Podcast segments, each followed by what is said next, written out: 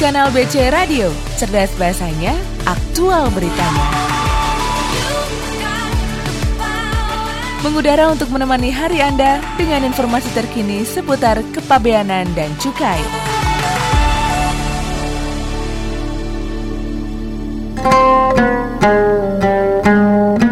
Agama sebagai sumber moral, agama sebagai petunjuk kebenaran, dan agama membimbing manusia saat suka maupun duka. Sahabat BC, sesaat lagi kita dengarkan religi pagi di kanal BC Radio.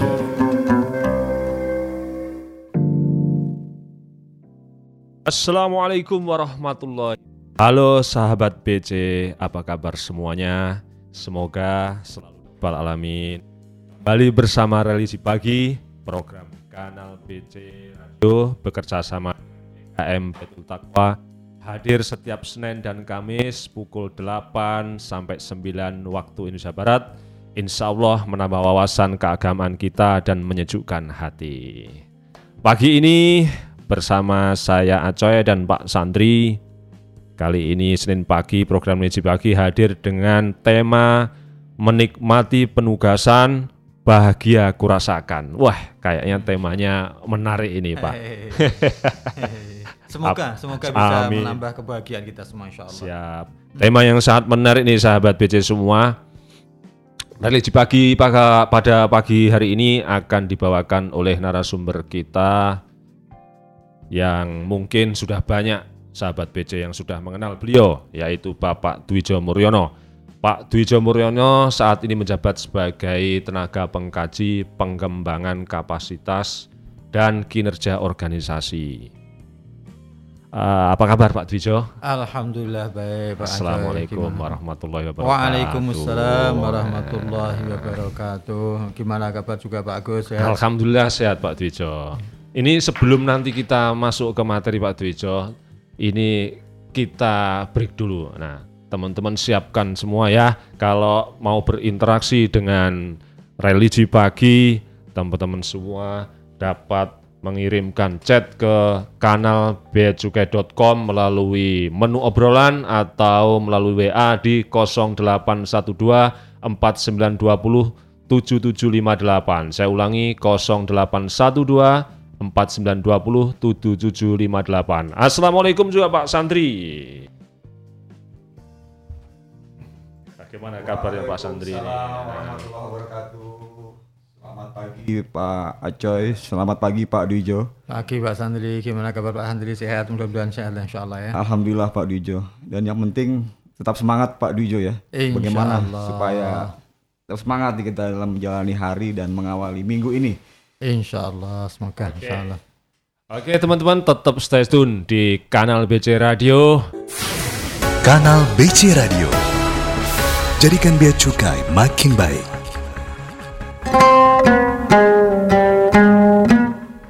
Sebagai sumber moral, agama sebagai petunjuk kebenaran, dan agama membimbing manusia saat suka maupun duka.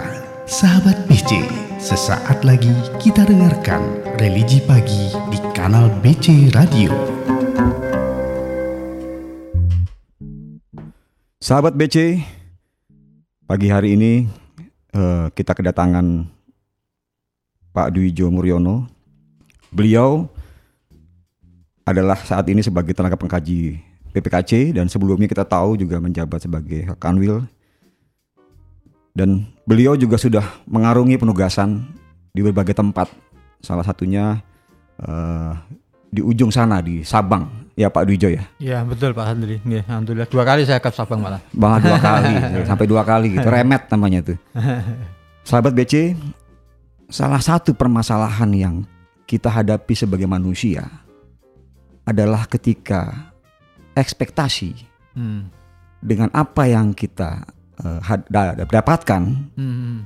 ada gap Pak Dwijo. Iya, iya betul. Itu betul. kayaknya masalah klasik sebenarnya ya. Iya betul. Tinggal betul. masalah eh, tadi nanti menyangkut masalah apa kan gitu ya. Iya, iya. Mungkin Pak kalau di kita di Bea Cukai yang sejak awal sebenarnya sudah taken siap ditempatkan di mana aja, tapi Iya. selalu itu menjadi isu yang eh, menarik Pak. Dan kemarin betul. mungkin kita menyimak bagaimana acara yang sangat bagus sekali dari sesi Ditjen Ah. penuh dengan hal-hal yang menarik sekali untuk Iya, mungkin iya. menjadi salah satu inspirasi Pak dari apa yang kita akan bahas atau Bapak akan bahas kupas. Iya, Karena iya, sepertinya kelihatannya semua kalau kembali kepada agama selesai ya Pak Dijo. Jangan-jangan. Pak.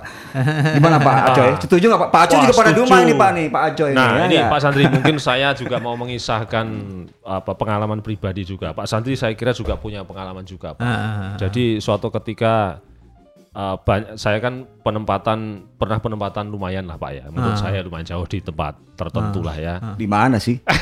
Saya pernah di Aceh juga ini Nah, soalnya. ya. Maksudnya bagaimana menata hati? Itu Rupanya nggak gampang juga Nggak rupanya. gampang, Pak. Jadi saya begitu lihat pengumuman, kok pada ngaji ucapan selamat Pak gitu. Selamat selamat loh. Tapi kenapa kok tempatnya nggak dikasih tahu? Wah saya udah mulai curiga nih Pak.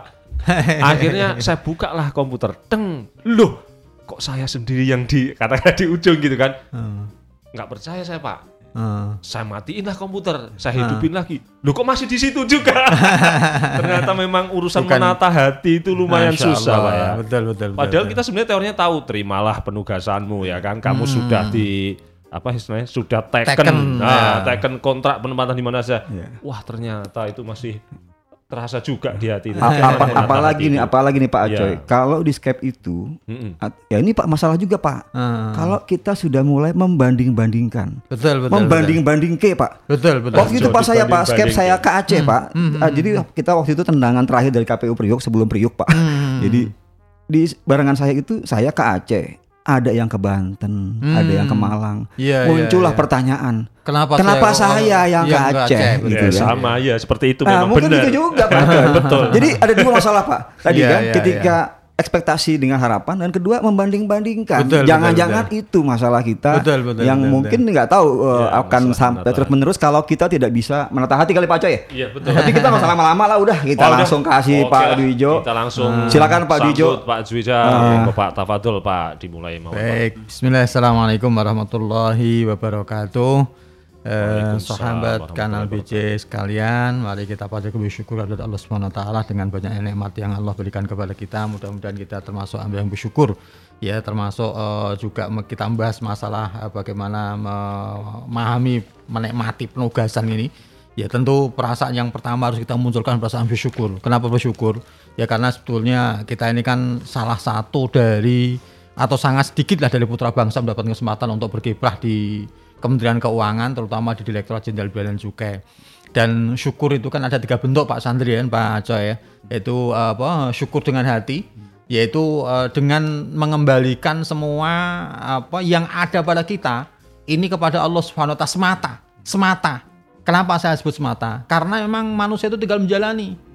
Contohnya misalnya banyak di antara kita saya pernah tanya kepada banyak pejab- pegawai bea cukai di dalam banyak forum tentang siapa di antara kita semuanya yang dari awal pengen jadi bea cukai. Itu hampir tidak ada. hampir tidak ada. Hampir tidak ada.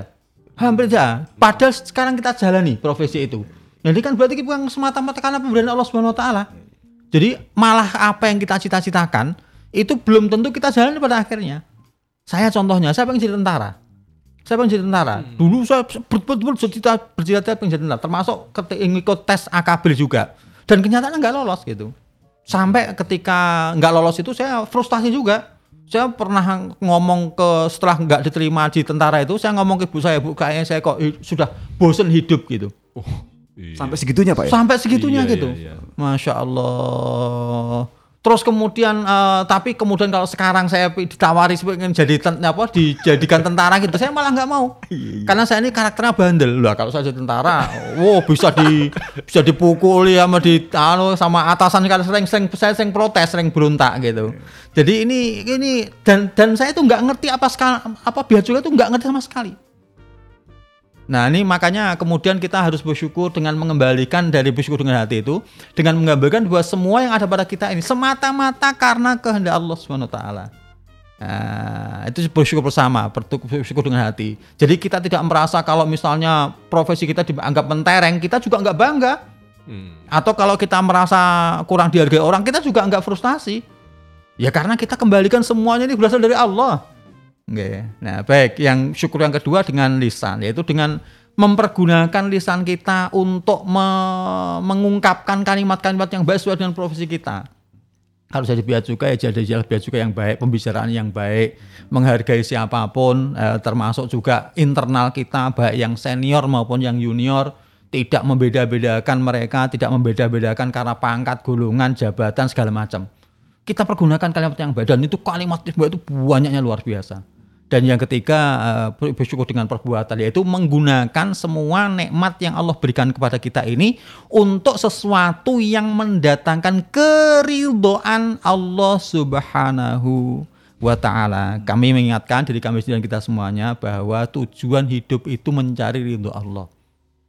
Tujuan hidup itu semata-mata mencari ridho Allah. Jadi ketika kita misalnya me- menikmati sesuatu, apakah kita ketika kita menikmati itu cara kita di- diridhoi oleh Allah atau tidak? Itu jadi pertanyaan utama. Bukan kita sesuaikan dengan selera kita. Bukan kita sesuaikan dengan apa hobi kita atau segala macamnya. Nah, hidup itu pelatih bagaimana kita menjadi orang yang ridho. Karena ridho itu derajat yang paling tinggi. Ya, ada ahli surga yang kemudian ditanya ditanya oleh Allah apakah sudah merasa cukup dengan nikmat-nikmat itu? Masih kurang ya Allah. Apa itu? Aku ingin mendapatkan ridhomu ya. Dan itu ternyata memang tidak mudah gitu untuk mendapat ridho ridho Allah Subhanahu Wa Taala itu.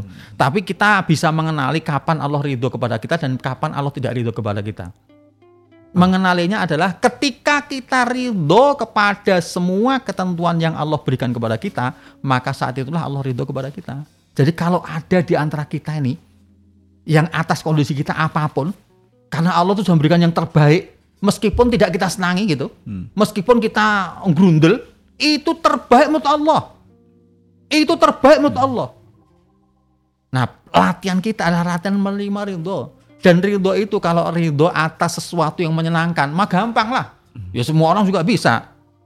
Tapi kapan kalau kita berlatihnya yang serius itu adalah ridho pada saat kondisi yang ada itu tidak sesuai dengan ekspektasi tadi yang kata Pak Sandri tadi. Penempatannya tidak sesuai dengan Keinginan. Pak. keinginan atau mungkin se- sebetulnya belum punya keinginan tapi karena banding-bandingkan tadi dan hidup itu menjadi rumit ketika kita mulai membandingkan dengan orang itu menjadi rumit. Sesuatu yang enak pun dikomentari orang. Apalagi kita mendengarkan suara orang. Wah luar biasa. Nah oleh karenanya bagaimana kita kemudian menjadi kunci bagaimana menikmati penugasannya menurut saya ada tiga pak Sadri ada tiga. Yang pertama adalah aspek spiritual ya. Kemudian yang kedua adalah aspek eh, apa eh, memahami diri sendiri. Dan yang ketiga adalah aspek kemasyarakatan. Tiga-tiganya ini sangat penting.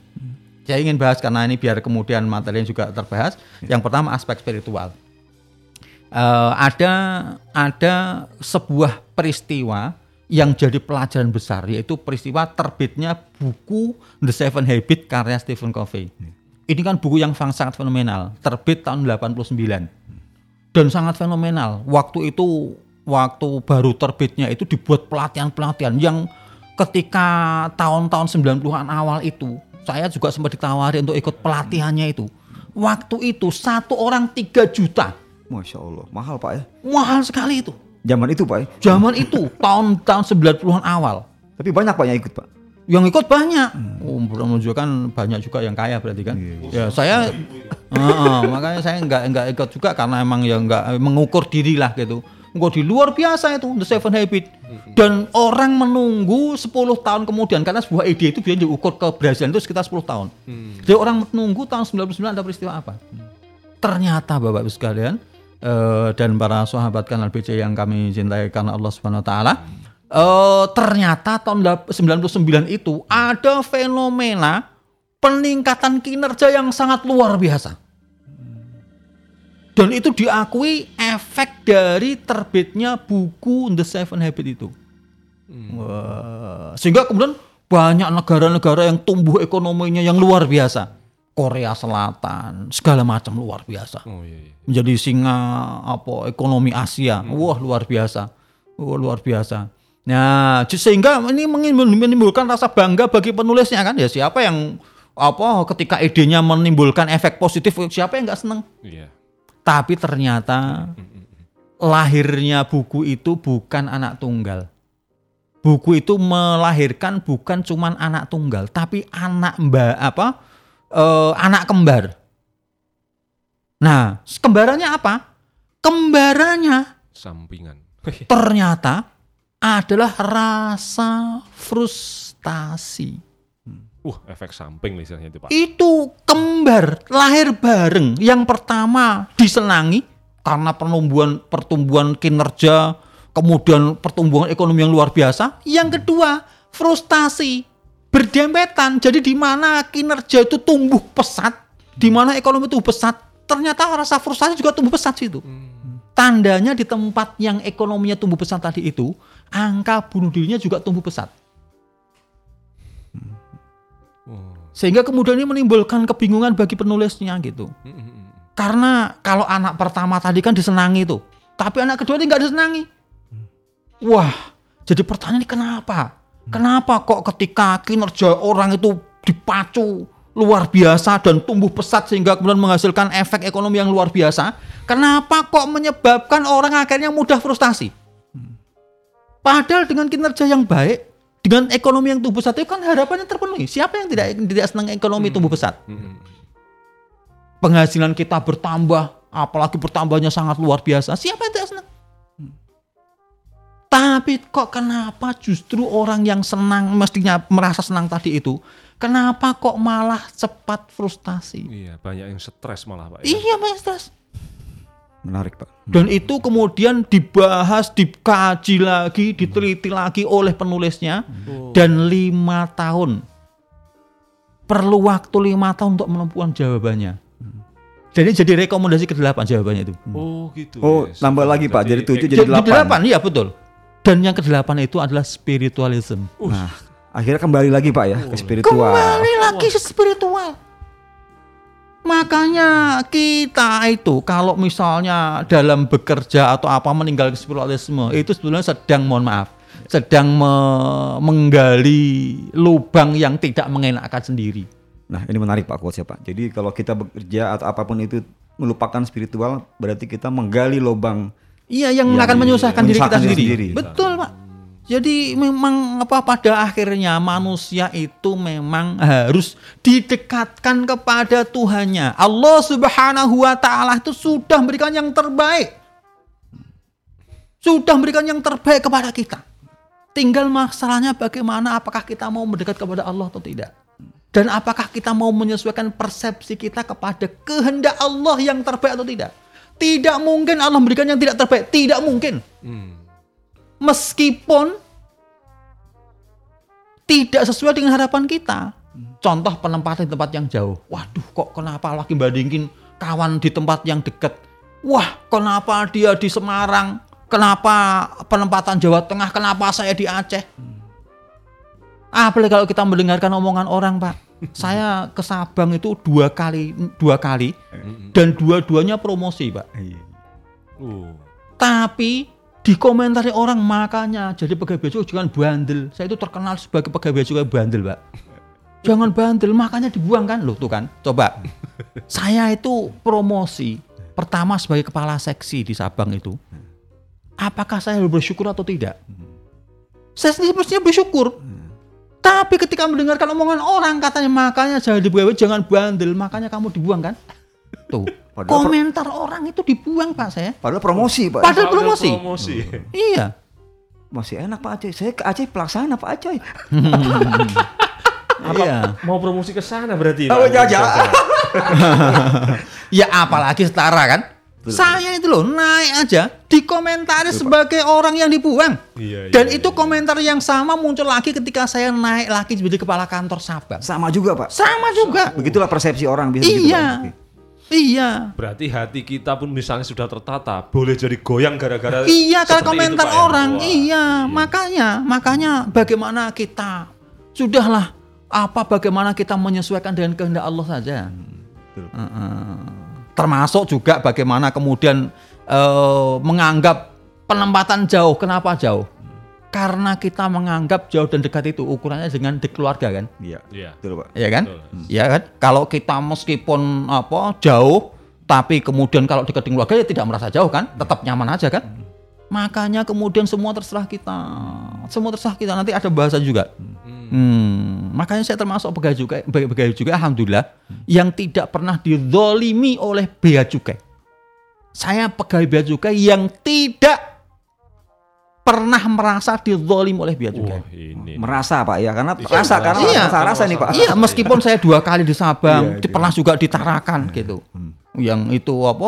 Tetapi kenapa saya merasa tidak dizolimi? Karena ti- saya tidak pernah dijauhkan dari keluarga. Oh, Oke. Karena ketika kita pindah itu dikasih SPD-nya kan bukan hanya untuk kita sendiri kan? Bah, Betul, betul. Ini Bukan hanya perlu- untuk pegawai sendiri kan? Tapi juga untuk keluarga kita kan? Iya, Betul, iya, betul, betul. Iya, jadi yang membuat keputusan kita meninggalkan keluarga di home base itu siapa? Kan kita sendiri. Kenapa itu malah jadi sumber penderitaan? Kenapa tidak dibawa saja keluarganya? Saya hampir selalu saya bawa keluarga saya. Di Sabang saya bawa. Padahal itu anggarannya sebenarnya sudah disediakan. Sudah disediakan di dan sana. mohon maaf, saya belum pernah mendengar ada pegawai bea cukai yang ketika apa oh, SPD-nya untuk keluarganya itu tidak diambil gara-gara nggak bawa keluarga. Pernah nggak dengar? Iya, iya. Dan kita ini kan ambigu. Di satu sisi diambil uangnya, di sisi lain tidak mau membawa keluarganya. Dan kalau kemudian itu menjadi sumber masalah, kenapa dijadikan sumber masalah? Kenapa tidak kemudian merasa wong yang buat keputusan tidak membawa keluarga itu kan saya sendiri. Kenapa mesti saya jadikan sumber masalah? Kalaupun masalah kan yang membuat masalah kan kita sendiri. Ah, kan? Makanya kemudian menjadi menarik. Ke- Penderitaan dan tidak penderitaan itu tergantung kita. Iya. Dan awalnya tadi ini, apa The Seven Habit itu, orang menyangka kalau ekonominya tumbuh pesat itu akan sangat bahagia. Kenyataan termasuk di Indonesia, ternyata segmentasi orang yang bunuh diri itu hampir tidak pernah ditemukan kasus orang bunuh diri gara-gara penderitaan ekonomi. Hampir itu artinya ada, tapi sangat-sangat sedikit. Kalau dimasukkan statistik hilang dia. Sebagian besar orang bunuh diri itu orang yang secara sosial statusnya mapan menurut Iya. anggapan umum. Betul, betul, betul. Orang yang kaya raya, orang yang popularitas luar biasa, para selebriti segala macam segala macam. Yang kita sangka padahal kita kan pengen jadi kayak dia. Contohlah selebritas, kalau selebritis gitu. Wah betapa kalau kita jadi selebritis itu kan ke mana-mana orang akan minta selfie, apa foto dengan kita. Rasanya kan bahagia gitu kan. Wah kayaknya, kayaknya aja.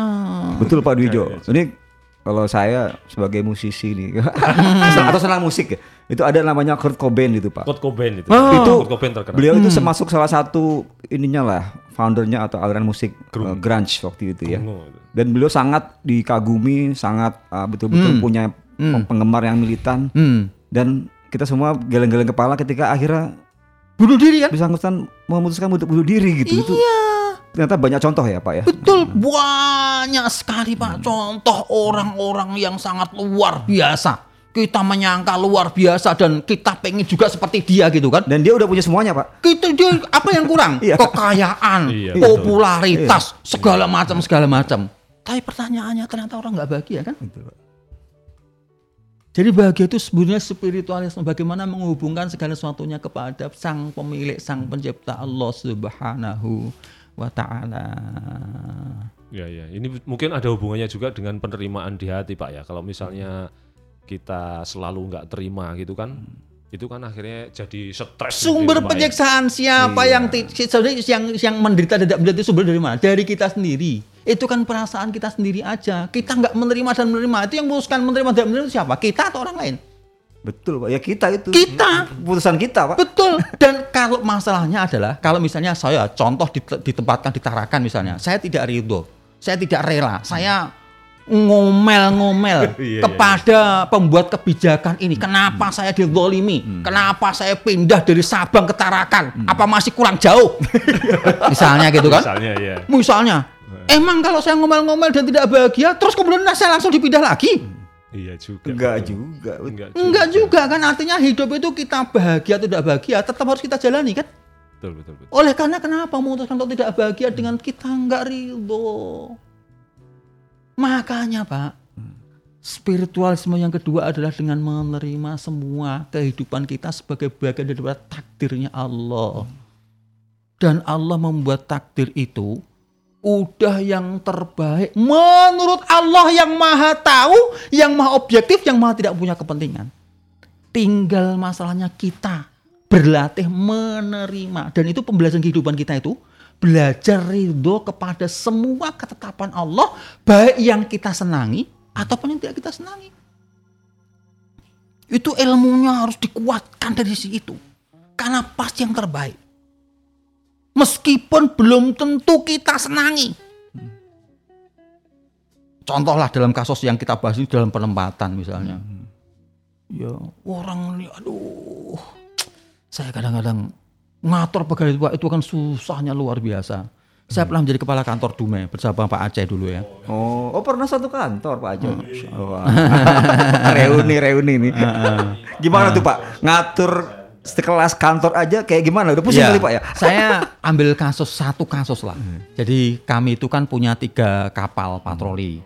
Nah atas punya tiga kapal patroli itu dari kantor pusat membuat kebijakan satu kapal patroli itu diberikan tiga ABK karena kapalnya kecil kan tiga ABK sehingga kan sebetulnya hanya butuh lima apa sembilan ABK sementara di kami itu ada 13 ABK Oke. jadi kelebihan kan.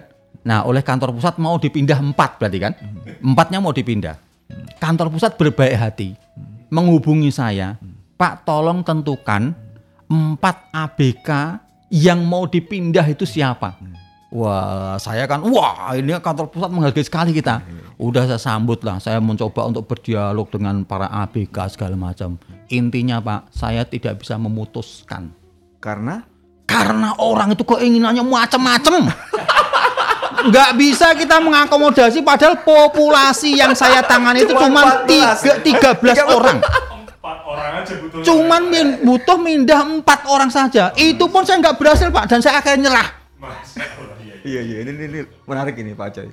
Eh, Apalagi ngurus 16.000 ribu orang. Kita harus lihat dua sisi juga Pak ya. Oh iya. Makanya saya tidak termasuk saya termasuk yang tidak pernah meminta men, men- apa, men- ditempatkan di tempat tertentu dan tidak pernah menolak di tempat di tempat tertentu. Kenapa? Karena kita menyadari Pak, rumit tidak mungkin ada ada misalnya kita punya populasi 100 orang gitu, 99 kita sudah kasih sesuai dengan keinginan persis, satu saja yang enggak. Satu itu akan mempengaruhi yang lain juga. Dan tidak mungkin dalam kehidupan kita memuaskan semua orang nggak mungkin. Nggak mungkin, Pak. Ya, ada kisah itu Lukman yang ingin menjual menjual keledai bersama anaknya. Hmm, betul, Keluar Pak. dari Iya, rumah ya. Itu kan kisah yang ter- terkenal iya, kan? Betul Pak. Yang sering juga kita bahas itu kan. Nah, keluar dari rumahnya menjual seekor keledai, dituntun berdua. Tidak berapa lama dikomentari orang. Kenapa mesti mesti jalan kaki wong sehat itu kan bisa dinaikin salah satunya. Sehingga dia bisa ngirit tenaga. Lumayan kan? Oh, gimana nak kata Lukman? Iyalah Pak. Terus yang naik siapa? Wah bapak aja lah yang naik, saya kan masih muda. Wah gitu kan. Wah. Lalu jalanlah dengan Lukman naik di atas keledai dan anaknya nuntun. Tidak berapa lama dikomentari orang. Eh enak saja ya bapak, enak-enak saja naik di atas keledai sementara anak suruh jalan. Mestinya kan terbalik. Mestinya yang tua yang yang merawat yang muda, yang merawat anaknya itu yang tua. Nah, Lukman bertanya kepada anaknya, gimana? Ya udahlah Pak, kalau gitu gantian lah. Wong bapak bapak di atas ternyata salah juga. Nah, Sekali salah Pak. sekali salah ya. Lalu kemudian Tukeran lagi, Pak. Nah, tukeran lah. Akhirnya Lukman apa di bawah nuntun keledai, anaknya di atas. Nah, tidak berapa kemudian dikomentari orang, "Eh, kenapa menyanyiakan potensi? Bukannya keledai itu cukup kuat untuk dinaikin berdua? Kenapa kalian malah jalan salah satu kan ngirit tenaga?" Ah, Lukman tanya kepada anak gimana? Ya udahlah Pak, kalau gitu Bapak naik juga aja. Ah, lalu kemudian naiklah mereka berdua. Tidak berapa lama di komen orang lagi diprotes. Ini mungkin hak asasi HAK. Keledai. Hak asasi keledai. ah. Udah mengatakan, eh kenapa kalian mendolimi keledai? Masa keledai sekecil itu kalian tumpangi berdua? Enak saja. Itu tak Salah saya laporkan. Salah lagi. Salah lagi. Pertanyaannya mana sikap yang yang masih mungkin diambil? Yang kira-kira memuaskan semua orang? Nggak mungkin, Pak. Nggak mungkin. Jadi Siapa pun yang duduk sebagai pejabat kepegawaian pasti akan mengalami nasib yang sama. Masa saya nggak pernah Pak, protes itu minimal saya kalau apa meringankan untuk saya sendiri saya nggak pernah protes dan pernah pernah minta nggak. Saya bahagia dengan semua yang Allah kehendaki. Berusaha paling tidak berusaha untuk bahagia dan ridho meskipun masih ilmunya masih sangat kecil. Tapi paling tidak itu usaha untuk membahagiakan diri sendiri. Karena kalau enggak Pak, kita bakal jadi orang yang sangat menderita. Dan yang membuat menderita bukan orang lain, tapi karena persepsi kita, sendiri. Oke. Eh, ini saya infokan kembali untuk bisa interaksi di acara religi pagi ini. Sahabat BC bisa chat di kanal beacukai.com di menu obrolan atau langsung WA di 0812 4920 7758 ya. Stay dulu ya. Kanal BC Radio, cerdas bahasanya, aktual beritanya. Komitmen kami jadikan Bea Cukai makin baik.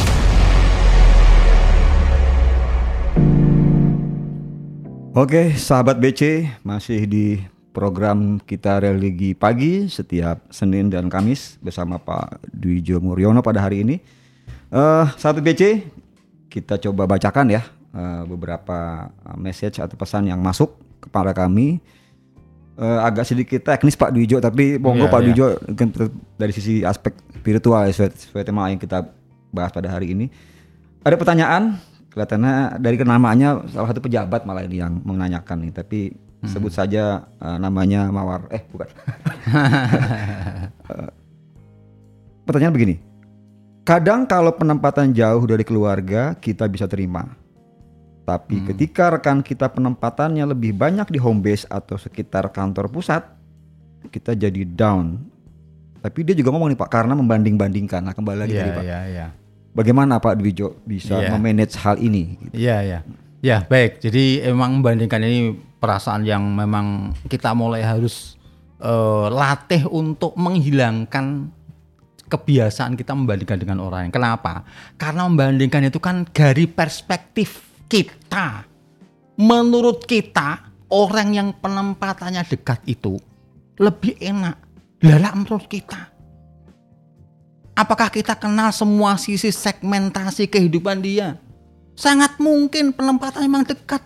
Tapi di sisi kehidupan yang lain, segmen kehidupan yang lain, mungkin Allah uji dengan sesuatu yang luar biasa. Kemarin eh, kami ketika silaturahim ke oh, apa oh, orang lah ke, ke tempat orang gitu, kemudian ada apa eh, ada orang tua yang ketika punya anaknya cuman sedikit gitu, pengen nambah, pengen nambah. Oh sehingga kemudian dia berusaha untuk punya anak. Ini kan manusiawi kan, keinginan yang manusiawi kan. Iya. Akhirnya memang Allah kabulkan dengan nambah anak. Hmm. Tapi apa yang terjadi? Ternyata anaknya yang terakhir itu punya kebutuhan khusus. Masya Allah. Cacat, Pak. Cacat.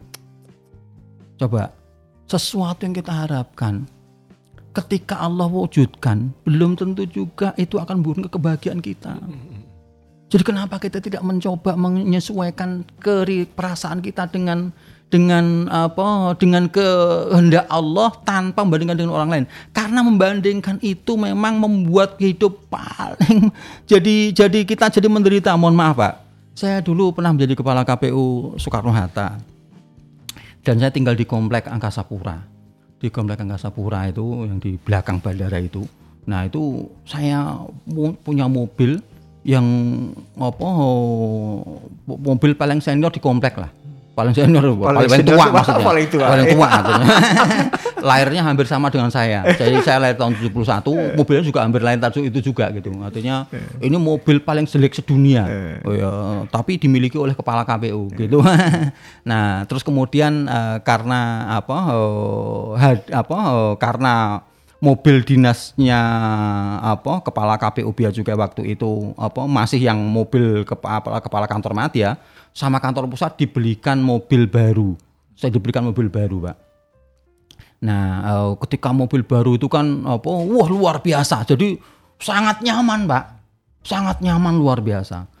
Nah, ketika apa saya menikmati mobil yang baru itu, kemudian Pak, apa yang terjadi? Ternyata Pak, mobil saya yang sebelumnya saya nikmati betul itu, saya wah kayaknya ini mobil udah meskipun tua tapi kokoh, empuk suspensinya segala macam segala macam lah. Saya puji-puji mobil saya itu karena emang itu satu-satunya mobil yang saya miliki gitu. Dan ternyata menjadi wah ini setelah setelah saya mendapatkan mobil dinas yang baru yang yang kincling-kincling yang masih plastikan bangkunya itu itu menjadi mobil ketika saya kembali ke mobil saya sendiri itu kok ini kok kenapa mobil kok banyak lagunya gitu?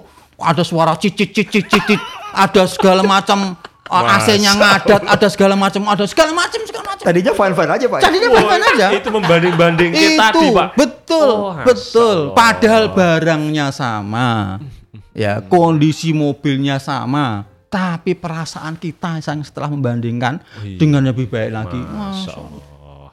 kita ini kan mungkin orang kampung orang yang orang tua kita orang petani atau apa gitu yang Ya Allah, kenapa tidak memandang dari segi yang positif? Kenapa tidak mensyukuri? Ya Allah, meskipun di tempat yang jauh-jauh, Alhamdulillah kita masih punya gaji. Coba kita ke pesantren Hidayatullah yang saya pernah ditarakan itu kan di Kalimantan itu kan ada pesantren Hidayatullah tuh. Mendidik para calon-calon dai untuk ditempatkan di mana? Di pedalaman. Uh, Yang mereka tidak ditanggung gajinya, tidak dikasih fasilitas negara, suruh hidup aja aja. Masya Allah. Ada Pak ya? Wah, nah itu Iya, di, di terkenal di pedalaman, Kalimantan. iya, iya, betul, betul. Itu khusus mendidik pacar calon dai yang tidak diurusin dunianya. Masya Allah. Tapi nggak pernah ada laporan mereka mati gara-gara menderita. Kenapa kita kemudian menjadi seolah-olah aduh karena kita memandang terlalu dari sisi kita, subjektivitas iya, iya. kita terlalu dominan, sehingga kemudian akhirnya kita ukur kenapa kok orang lain ditempatkan di dekat home base-nya, kenapa saya jauh dari home base-nya. Membandingkannya selalu ke atas gitu, Pak ya. Gitu, Padahal di bawah kita masih banyak masih ya. banyak betul makanya sebenarnya dan membandingkan itu nanti kalaupun kita menderita pada akhirnya yang menderita siapa emang orang lain orang yang kita bandingkan mah tidak tahu Oh iya juga.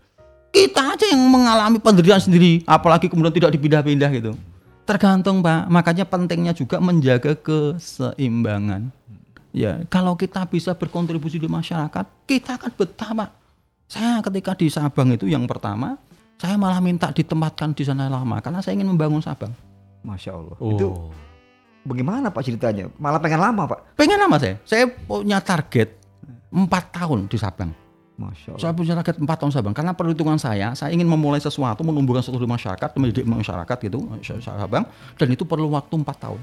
Maka saya waktu itu punya kawan namanya Pak Muhammad Lukman, sekali sekretaris NLSB, itu sebagai beliau sebagai kasubag umum eh, kepegawaian waktu itu. Itu saya minta tolong dijagain saya minimal 4 tahun, minimal, minimal. Minimal, berarti lebih boleh, minimal. Pak, Lebih boleh. Nah, inilah gini perspektifnya Pak Acoy hari Iya ini. nih. Kayaknya kayak kita salah apa nggak salah nih? Iya, nih, Iya. waduh. Seperti, seperti apa tuh Pak waktu itu rencana Bapak waktu itu di Sabang? Saya memang sedang bangun Pak, saya meng- mengkader banyak orang-orang Sabang. Karena Sabang itu menurut saya banyak harus dirubah. Pertama, orang Sabang sendiri menyebut Sabang itu sebagai sebuah singkatan. Kepanjangannya apa? Apa? Santai banget. Hmm. Oh. Dan saya mandang itu bukan inspirasi yang baik. Oh iya iya iya. Nah, maka saya ingin mengganti persepsi itu dari semula santai banget menjadi saatnya bangkit. Masya Allah. Singkatannya sama-sama Sama Sabang. ya. Iya, iya. Singkatannya sama Sabang. Tapi kan nuansanya beda. Iya. iya. Dan untuk itu kan harus me- melakukan pengkaderan kepada orang, kepada saya mendidik para guru untuk dikumpulkan, untuk dibahas segala macam, mendidik para murid, wah, masyarakat segala macam, pasang spanduk segala macam itu, untuk kemudian mari kita cintai Sabang sebagai daerah kita. Saya juga marah kalau Sabang didolimi orang.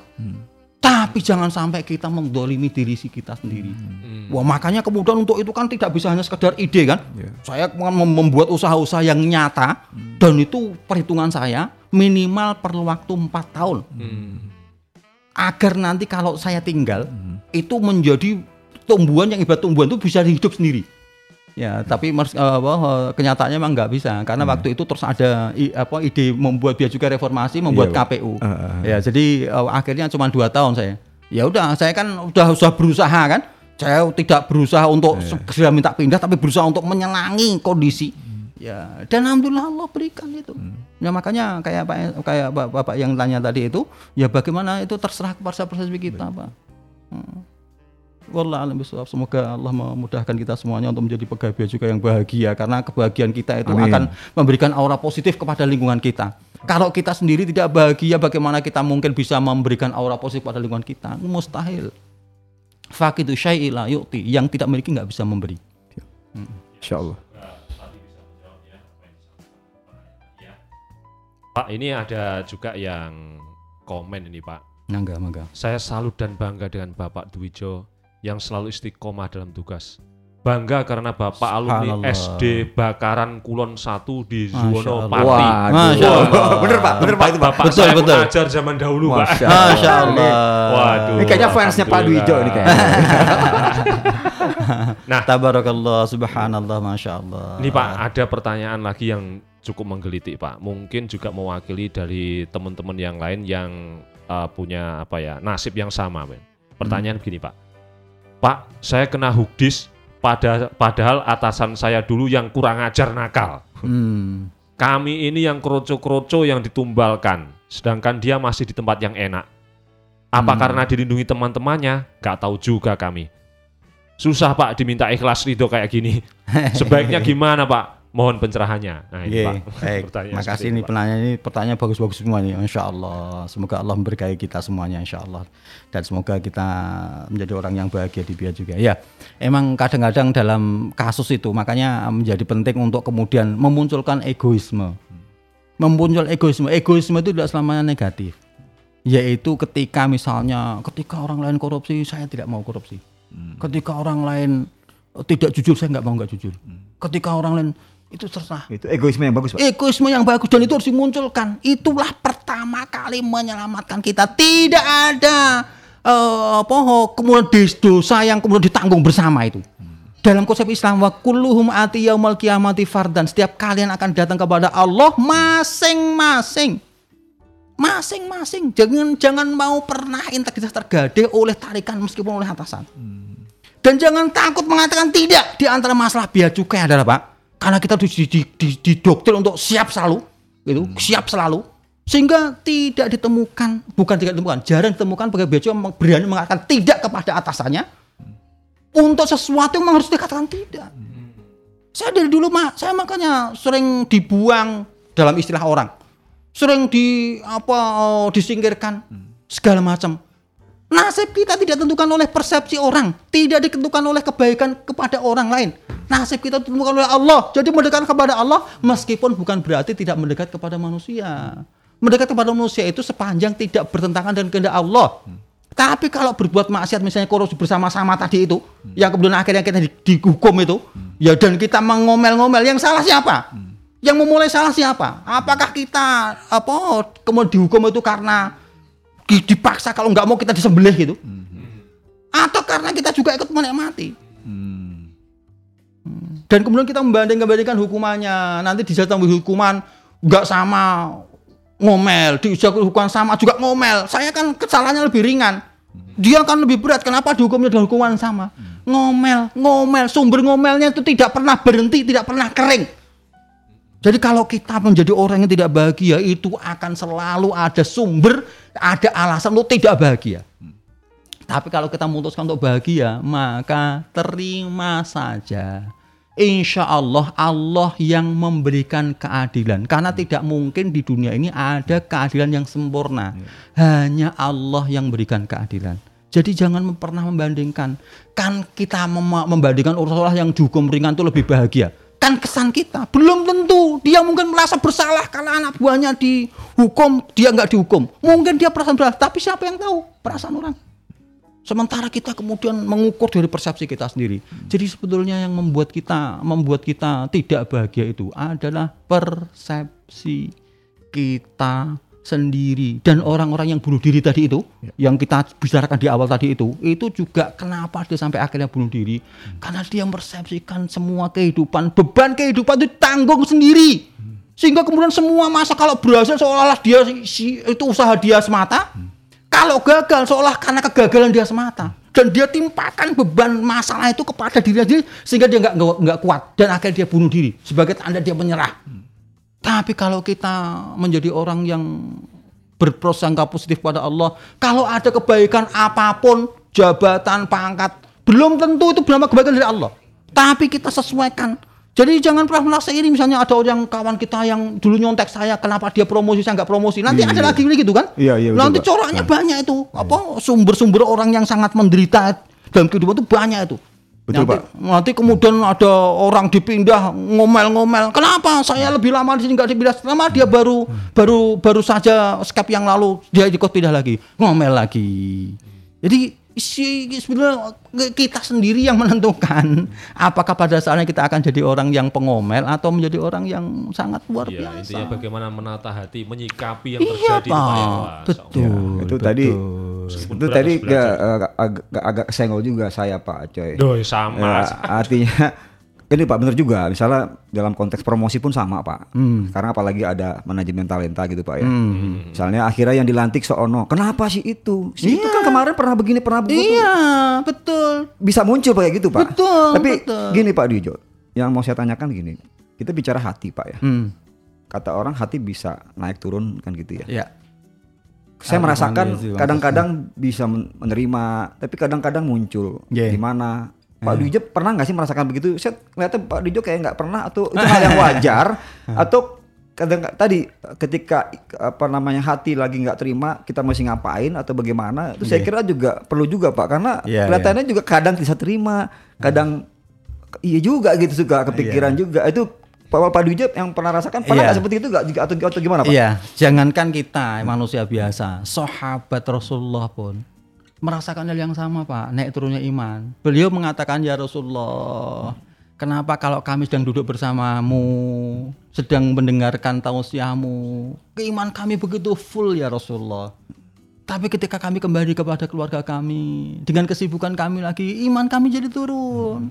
dengan permasalahannya gitu. Dengan ya. permasalahannya. Jadi bukan hanya kita yang manusia yang jauh dari Rasulullah. sekelas sahabat Rasulullah Sekelas pun- sahabat Rasulullah pun merasakan yang sama. Jadi itu manusiawi sekali. Nah, al imanu yazidu wa yangkus. Yazidu bil bito'ah wa yangkus bil maksiyah. Eh, Iman itu naik dan turun. Naiknya karena taat kepada Allah, turunnya karena bermaksiat kepada Allah. Jadi bagaimana agar kita relatif stabil? Kurangi maksiat, Pak. Dan maksiat itu ukuran bukan dengan orang tapi dengan ajaran Allah. Jadi kita mesti harus selalu belajar mengupdate dan mengupgrade ilmu kita ap- untuk memastikan yang kita lakukan itu sesuai dengan ridho Allah. Karena apa? Karena ridho Allah itu belum tentu sesuai dengan, belum tentu sesuai dengan penilaian orang. Hmm. Kadang-kadang ada orang tidak menyukai sesuatu, tapi Allah ridho. Tapi kadang sebaliknya ada orang yang ada orang yang apa Allah benci, tapi manusia menyukainya, Hmm. mengunggul-unggulkannya. Ah, makanya dalam Islam Pak, semuanya sama Pak. Pejabat itu tidak lebih mulia daripada pelaksana. Makanya jangan ngejar jabatan. Karena ngejar itu orang yang banyak berharap apa Pak? Banyaklah merasa kecewa. Hmm. Jadi kalau kita tidak ingin selalu merasa kecewa, nggak usah berharap kecuali berharap kepada Allah. Itu pun doa kita ya kalau ini baik kan doa doa hajat gitu kan. Ya Allah kalau ini baik maka mudahkanlah. Artinya apa? Kalau Allah memandang itu baik dimudahkan. Tapi kalau Allah memandang tidak baik meskipun kita minta, kita tidak mudahkan. Tidak diberi. Dan tidak diberi itu bukan Allah pelit, bukan Allah tidak mampu, tapi karena kasih sayangnya Allah. Contoh kalau kita punya anak TK, misalnya kita apa anak TK itu tahu bahwa orang tuanya kaya sehingga dia minta duit satu juta. Coba anak TK kalau kita punya anak ini kita orang tuanya nih, anak TK minta uang satu juta, kita kasih nggak Pak Santri, Pak Ajoy? Ya enggak lah Pak. Nah, kan pasti buat, buat Betul, apa? betul, betul, kan iya, nggak iya, siap iya, kita iya. ngukur kan? siap. Ternyata- Dan dan ketika orang tua nggak memberi, apakah itu karena rasa pelit atau karena tidak sayang? Kan bukan, justru karena sayang itu. Jangan sampai anak kita celaka karena kalau dikasih uang satu juta, mungkin malah dia akan dirampok, disakiti orang lain. Kita kan yang tahu. Allah Maha tahu lebih tahu daripada orang tua yang mengukur anaknya tadi itu. Jadi bagaimana kita menyesuaikan yang kita inginkan itu dengan semua bahwa yang Allah putuskan itu pasti yang terbaik. Tinggal ilmu yang harus kita tambah adalah bagaimana belajar untuk ridho.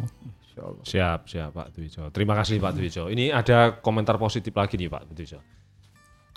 Eh, bilang begini, jujur awalnya sih sebagai manusia kecewa ketika awal menerima skep mutasi hingga bertanya-tanya salah saya apa. Hmm. Tapi podcast ini menyadarkan saya bahwa sebenarnya bahwa Allah selalu memberikan rencana terbaik untuk kita. Hmm. Saya ingat ceramah Ustadz yang menyatakan bahwa masalah itu datang ketika merasa memiliki sesuatu. Hmm. Padahal hakikatnya bahwa semua ini milik Allah dan semua akan kembali kepadanya. Iya. Innalillahi wa inna ilaihi rojiun. Sesungguhnya kami adalah milik Allah dan sesungguhnya hanya kepadanya kami akan kembali. Iya. Nah itu Pak. Oke, jadi ini Pak, ini kan apa bagaimana eh, kan kadang-kadang kita kalau pas keimanan kita baik itu kan enak gitu kan ya. Iya, Tapi kalau kita keimanan kita baik kan. Nah, makanya menjadi penting Pak untuk menjaga kestabilan iman itu diperlukan proses pembelajaran yang teratur. Hmm. Dan itulah jawaban dari konsep bintal. Oh, Bintal nas itu, Pak, ya. itu itu ya disusun karena kita ingin memandu semua kita agar punya iman yang stabil. Jadi kan masalah itu datang tiap detik. Sementara asupan gizi kita tidak kita suplai setiap detik. Jadi tekor melulu lah kita. Jomplang kali, Pak. ya. Jomplang akhirnya frustasi. Karirnya baik tapi frustasi. Bentuk frustasinya merasa miskin sehingga harus korupsi. Lah kalau kalau keimanan kita mengatakan Allah tuh ar-Razzaq maha rezeki, untuk apa korupsi? Nggak mungkin Allah ngasih rezeki dari jalannya dilarangnya sendiri. Jadi kenapa masih ada orang yang meskipun udah kita sangka terpenuhi kebutuhan masih juga korupsi karena dia merasa miskin. Kalau dia merasa cukup dengan pemberian Allah, kenapa masih harus korupsi? Kalau dia merasa cukup bahwa Allah tidak salah memberikan takdir, kenapa masih harus menjilat-jilat untuk bisa naik jabatan? Jadi ilmu itu bagaimana menjaga kestabilan, Pak. Kestabilan kita. Dan kalau kita stabil, yang bahagia siapa? Kita sendiri, Pak. Makanya jangan kemudian merasa, wah kenapa yang bintal cuma kaum milenial saja? Kenapa yang dedengkot-dedengkot itu malah Oh, enggak iya, iya, dibintal iya, misalnya? Betul. Ada yang ngomel-ngomel seperti itu misalnya. Nah, mestinya yang ngomel itu yang belum dibintal. Saya kan juga berhak mendapatkan asupan gizi, gizi betul, atas betul, betul. jiwa saya. Kenapa kok yang anak muda dikasih gizi yang berkecukupan, yang yang tercukupi itu? Kenapa kami yang tua-tua nggak diberikan? Misalnya, kan mesti ngomelnya begitu. Jadi ngomel itu ngomel karena tidak punya kontribusi yang positif atas sesuatu yang positif. Jangan ngomel kemudian ketika dia kenapa kami yang milenial aja yang di yang diuber-uber seolah-olah. Ya, insya Allah semua memang kalau kita jadi pimpinan mestinya semua program itu berlaku sama gitu. Nah, tinggal bagaimana ngatur teknisnya saja. Intinya Pak, bagaimana hidup itu? Kemudian mari kita coba untuk menjadi orang yang bahagia. Dengan cara apa? Menstabilkan iman. Sehingga kemudian kita punya rasa ridho dan kita ikhlas menerima apa pun. Makanya mohon maaf ya saya tagline itu belajar ikhlas pak karena ikhlas itu ilmu yang setan pun tidak bisa meng- mengganggu orang ini illa ibadallal mukhlasin kecuali setan itu ketika diusir dari surga karena menggoda Nabi Adam eh, karena tidak mau bersujud kepada Nabi Adam kemudian sakit hati dan ingin menggoda semua an- anak eh, Nabi Adam dan anak keturunannya dan dia mengakui kecuali hamba-hamba engkau yang ikhlas ya Allah. Setan setan mengakui tidak bisa menggoda orang ikhlas. Nah, tinggal bagaimana masalahnya ada kemudian bagaimana kita belajar menjadi hamba yang ikhlas itu. Sehingga kemudian bahkan setan pun tidak mampu menggoda kita. Jadi, seolah-olah kan kalau kita melihat orang yang stabil imannya itu kayaknya nggak punya masalah. Bukan nggak punya masalah, masalah sama. Bahkan kata Nabi, orang yang uji oh, orang itu ujiannya sesuai dengan kadar keimanan. Makin tinggi imannya, makin berat ujiannya. Tapi kenapa? Tapi kenapa orang itu cukup, cukup stabil? Bukan masalahnya yang ringan, tapi kemampuannya yang ditingkatkan. Nah, kita itu kadang-kadang ingin agar doa kita itu adalah masalahnya Allah ringankan. Bukan minta kemampuan yang kita naik.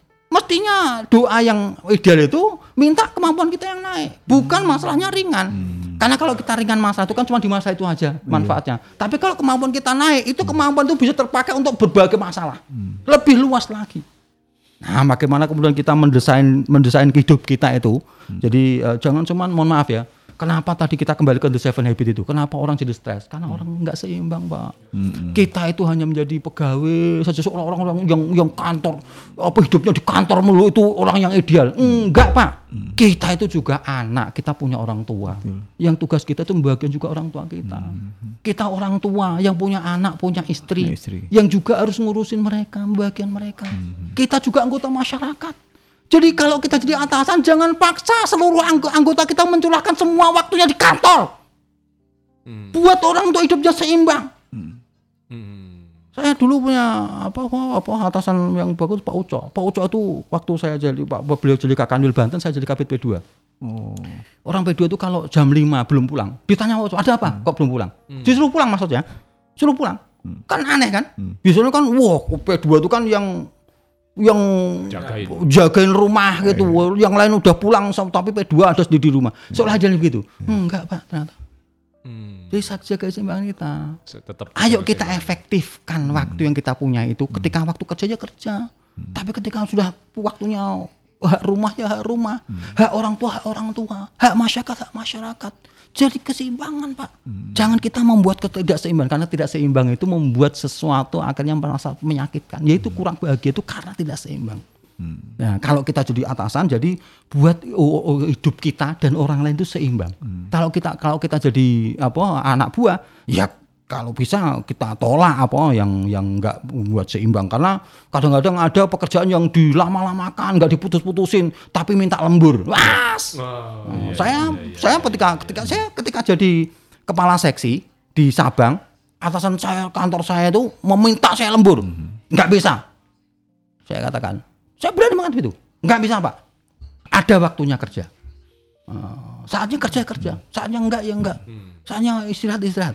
Jadi orang harus seimbang, Pak. Nah, kita sendiri kadang-kadang suka enggak seimbang. Waktunya sholat enggak mau sholat. Ya, waktunya apa oh, apa oh, istirahat dipakai kerja, waktunya kerja main-main. Nah, kita tidak seimbang. Allah. Wah ini sangat menarik nih pembahasan sama Pak Dwijo nih Pak Santri. Wah, Betul. Kita banyak dapat Subhanallah, daging Allah. ini untuk bagaimana Kabar, menata kabar. hati, menyikapi semua yang terjadi di diri kita. Baik, eh, sahabat BC sekalian, ini ternyata waktu sudah satu jam nggak terasa Pak. Masya Allah. Tapi nah ini masih nggak apa-apa lah Pak. Ini eh, masih ada beberapa, pertanyaan juga nanti mungkin akan disampaikan oleh Pak Dwijo ya, yang materinya kayaknya belum semua dibahas Iya, iya. ini. Nanti kita masih bisa berlanjut nih Pak. Oke, sahabat BC sekalian, jangan lupa tetap stay tune di program Religi Pagi kanal BC Radio. Oke, sahabat BC, masih di program Religi Pagi bersama eh, Pak Dwi John Muryono.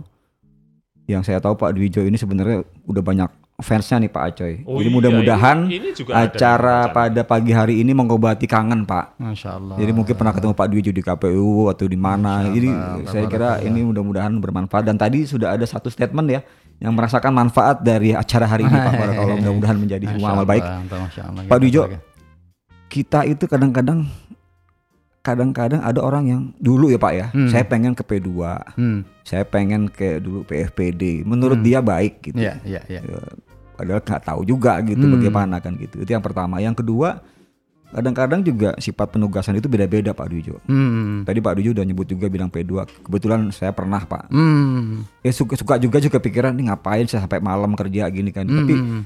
mungkin itu juga perlu penguatan Pak karena eh, iya. gimana tuh Pak karena ya kita kan kembali lagi nggak bisa memilih sebuah situasi Iya, iya, kadang-kadang iya, gitu. iya, Jadi betul, ini ada dua hal yang menarik Pak. Betul, Dia betul. memilih gitu, padahal belum tentu bagus tapi juga kadang-kadang dia menerima sesuatu yang pada dia mikir iya ya nih ngapain saya kayak gini gitu. Padahal itu juga bagian dari skenario Allah mungkin Pak ya. Hmm. Betul, betul, Gimana betul. tuh Pak Dwijo kira-kira? Baik, eh, nggih, saya mohon maaf tadi mungkin mencontohkan P2 dari satu sisi aja. Ya, betul, Pak. Ya bahwa apa saya mengambil nasihat Pak Ucok untuk apa menanyakan kenapa kok belum pulang jam 5 gitu kan.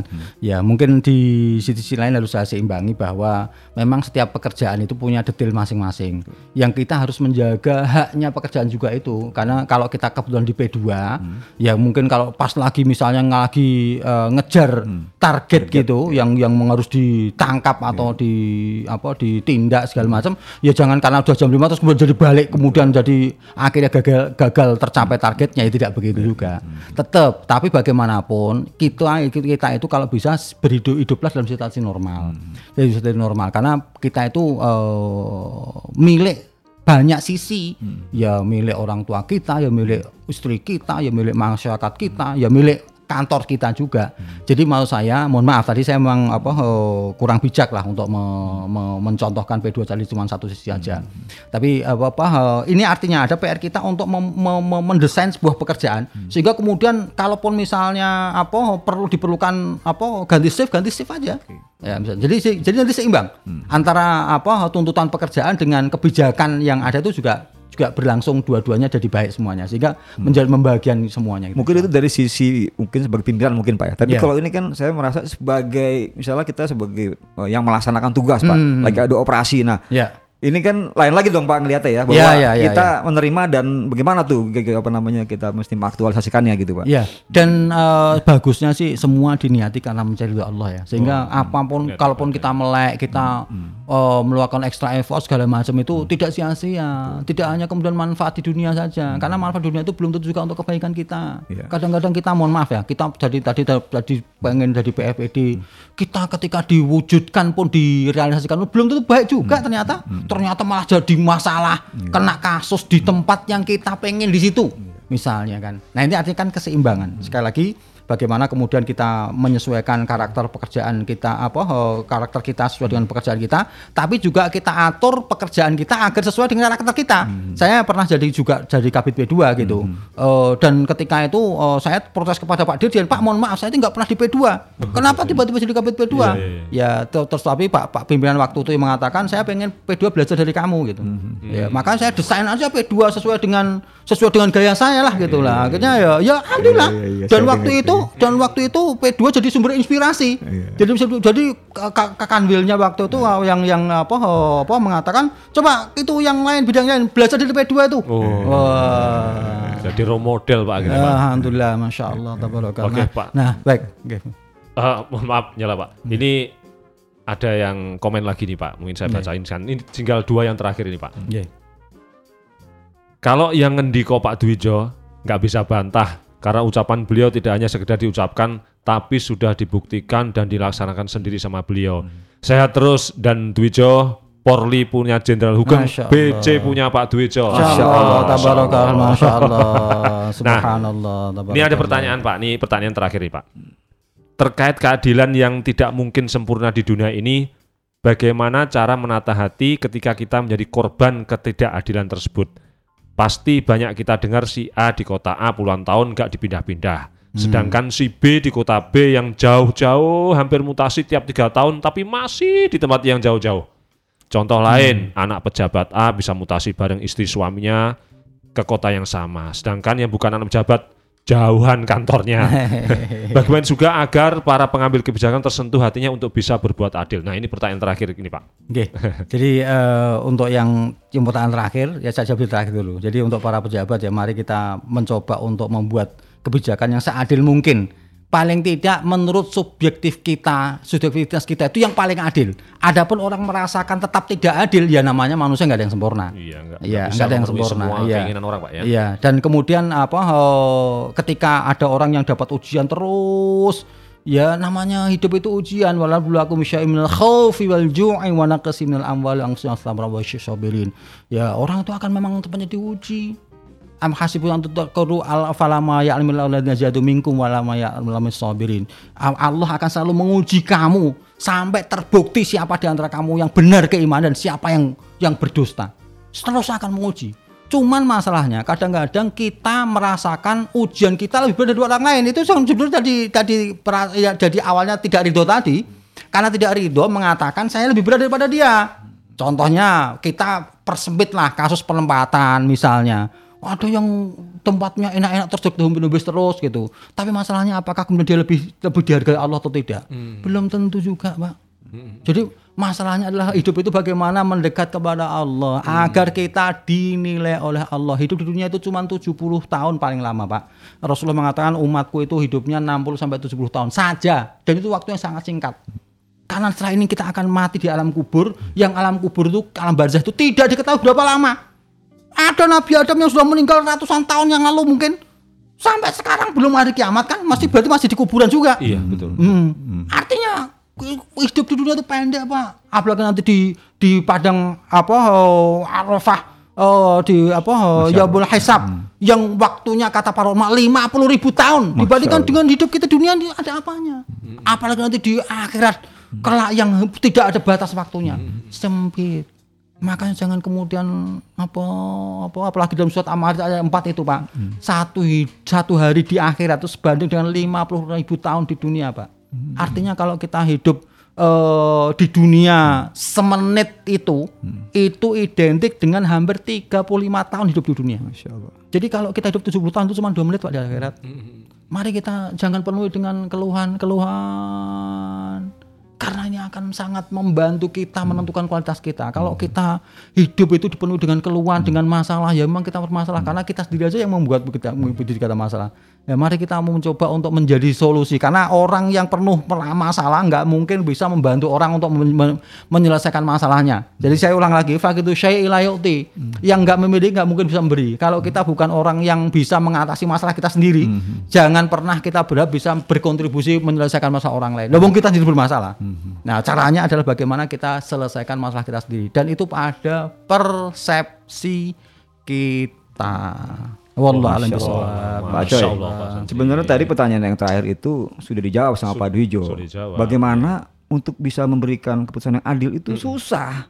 Iya, ini juga kayak saya kira perlu juga nih apa kita juga berempati ber inilah sama teman-teman yang ada Ya, tapi di ada k- kata kuncinya juga tadi Pak Sani, tuh? bahwa itu sudah diusahakan Iya, seadil-adilnya. betul. Istilah gitu loh, bukan dalam Karena- arti punya niat yang memang tidak adil Iya. gitu. Memang Iya, sudah iya. berusaha adil, tapi kan ternyata tidak bisa memuaskan semua orang. Nah, itu juga perlu Makanya dicamkan. acara ini maksudnya kan sikap kita sebagai tanda kutip viktimnya nih kira-kira gimana mensikapinya kan gitu. iya, iya, Ah, mungkin pertanyaan terakhir Pak dari saya Pak, hal yang sifatnya praktis Pak. Hmm. Eh, apakah ada doa khusus yang harus kita panjatkan? Karena Iya. hati kita bisa berubah-ubah Pak. Kadang-kadang terima, kadang-kadang muncul sebel-sebel juga Iya, gitu iya, kan. iya, iya. Kira-kira gimana Pak? Kira-kira Pak Dwijo Pak Dwijo sendiri tadi sebenarnya belum jawab. Pak Dwijo mengalami juga nggak sih seperti itu gitu, yang hati berubah. Jangan-jangan Bapak udah pet panteng udah apa namanya manteng aja nih tadi atau gimana tuh Pak? Tetap tadi praktisnya Iya, apa ya iya. doa yang mesti kita panjatkan Iya, di iya. setiap sholat kita Pak mungkin Iya, kalau bisa, kita punya teladan ya, Rasulullah SAW. Jadi beliau mencontohkan ya muqallibal qulub sabit ala dinik ya ya Allah yang membolak-balikkan hati tetapkanlah hatiku dalam ketaatan kepadamu dalam masya Allah mudah-mudahan ini juga layak untuk kita jadikan sebagai doa kita. Ya muqallibal qulub sabit qalbi ala dinik tetapkan hati kami dalam agamamu. Wa taatik dan kepada ketaatan kepadamu. Artinya hidup itu kemudian bagaimana kita nikmati dengan cara kita mensyukuri saatnya sholat terdengar azan ya apa pun kesibukan kita kita latih. Kita latih untuk berhenti. Penuhi panggilan Allah. Karena amal pertama yang dihisap oleh Allah itu adalah sholat. Ya kalau sholatnya bagus insya Allah yang lain bagus. Kalau sholatnya jelek yang jelek. Makanya kemudian ayo kita latihan untuk taat. Sejauh mungkin kita perbaiki kita tahu baca Quran itu bagus kita tahu bangun malam itu bagus kita tahu yang kita tahu itu coba kita praktekkan. Dan kita usahakan mulai merubah arah hidup kita. Dari yang sesuai dengan kemauan kita sendiri menjadi kita mencoba belajar menyesuaikan dengan kemauan Allah. Pokoknya kita yakinkan dalam persepsi kita apa yang yang dianggap baik oleh Allah, yang diperintahkan oleh Allah itu pasti baik untuk kita. Meskipun kita belum menyukainya, berarti PR kita adalah belajar untuk menyukai apa yang diinginkan oleh Allah. Sama dengan yang di- dilarang oleh Allah. Ketika dilarang oleh Allah, ya ayo kita jauhi. Meskipun kita menyenanginya. Tapi kita yakini bahwa ketika Allah melarangnya itu karena ada efek buruk yang belum tentu kita sadari sekarang. Tapi nanti pas suatu waktu akan muncul keburukan itu. Nah, persepsi itu namanya iman. Makanya perbaiki iman kita dengan cara apa? Dengan kita belajar yang tidak pernah putus. Ya ini salah satu bentuk pembelajaran. Ya, tapi kan tidak hanya satu ini ya. Apa apa ada ya saya sangat menganjurkan diri saya sendiri dan kita semuanya. Mari kita ikuti bintang dan kasih masukan lah, kasih masukan apa yang masih perlu harus diperbaiki di sistem bintang karena kita yakin masih banyak yang harus diperbaiki. Wallahu a'lam bishawab. Semoga Allah mem- memberkahi kita semua. insyaallah. Masya Allah. Terima kasih nih Pak Dwijo. Kita tanpa terasa sudah memasuki sesi akhir nih Pak. Nah ini sebelum acara ditutup Pak, barangkali ada materi yang tersisa sedikit yang belum disampaikan sekaligus close statement Pak untuk eh, religi pagi bersama Pak Dwijo pagi ini.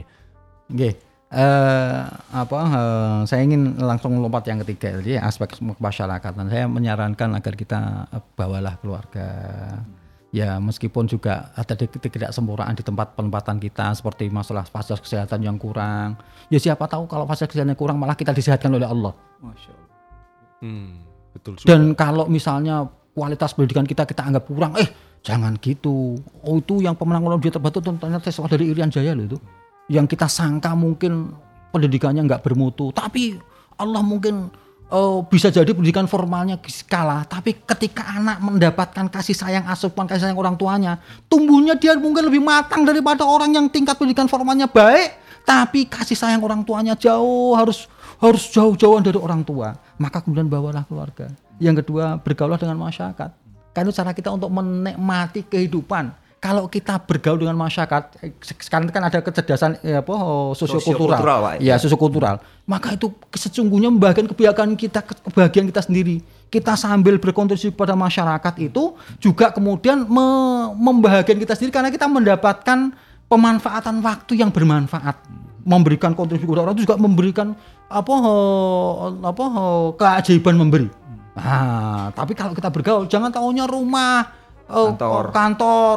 Apa eh, apa eh, mes kantor mes kantor mes kantor. Cuman begitu aja. Janganlah Ma- maka kita kemudian mari kita menjadi orang yang bisa berkontribusi. Yang kedua yang berikutnya adalah eh, menghindari sikap kambing hitam. Ketika kita mengalami masalah jangan suka pandang sumber masalah dari orang lain. Bisa jadi sumber masalah dari kita sendiri karena persepsi kita sendiri, karena tuntutan kita sendiri yang terlalu, terlalu mem- memberatkan kita segala macam. Dan kemudian jangan terpaku dengan tugas formal. Anggap aja semua kontribusi ini bagian daripada cara pengabdian kita kepada Allah. Semoga Allah ridho kepada kita, insya Allah. Jadi meskipun ini apa eh, juga ada apa eh, aspek yang belum terbahas, tapi mudah-mudahan karena waktu kita, ya mudah-mudahan Allah me- menuntun kita, membahagian kita, membuat kita orang yang istiqomah, istiqomah di jalan yang diridhoi oleh Allah. Dan semoga Allah eh, memanggil kita dalam kondisi yang kita sebut sebagai husnul khotimah. Amin. Ya mujibah sailin, masya Allah. Kayaknya pagi ini mudah-mudahan saya sendiri sih mendapatkan banyak pencerahan Pak Dwijo seperti Allah, biasa. Kalau ketemu ya. Pak Dwijo, mudah-mudahan juga rekan-rekan sahabat BC di seluruh Indonesia juga mendapatkan hal yang sama.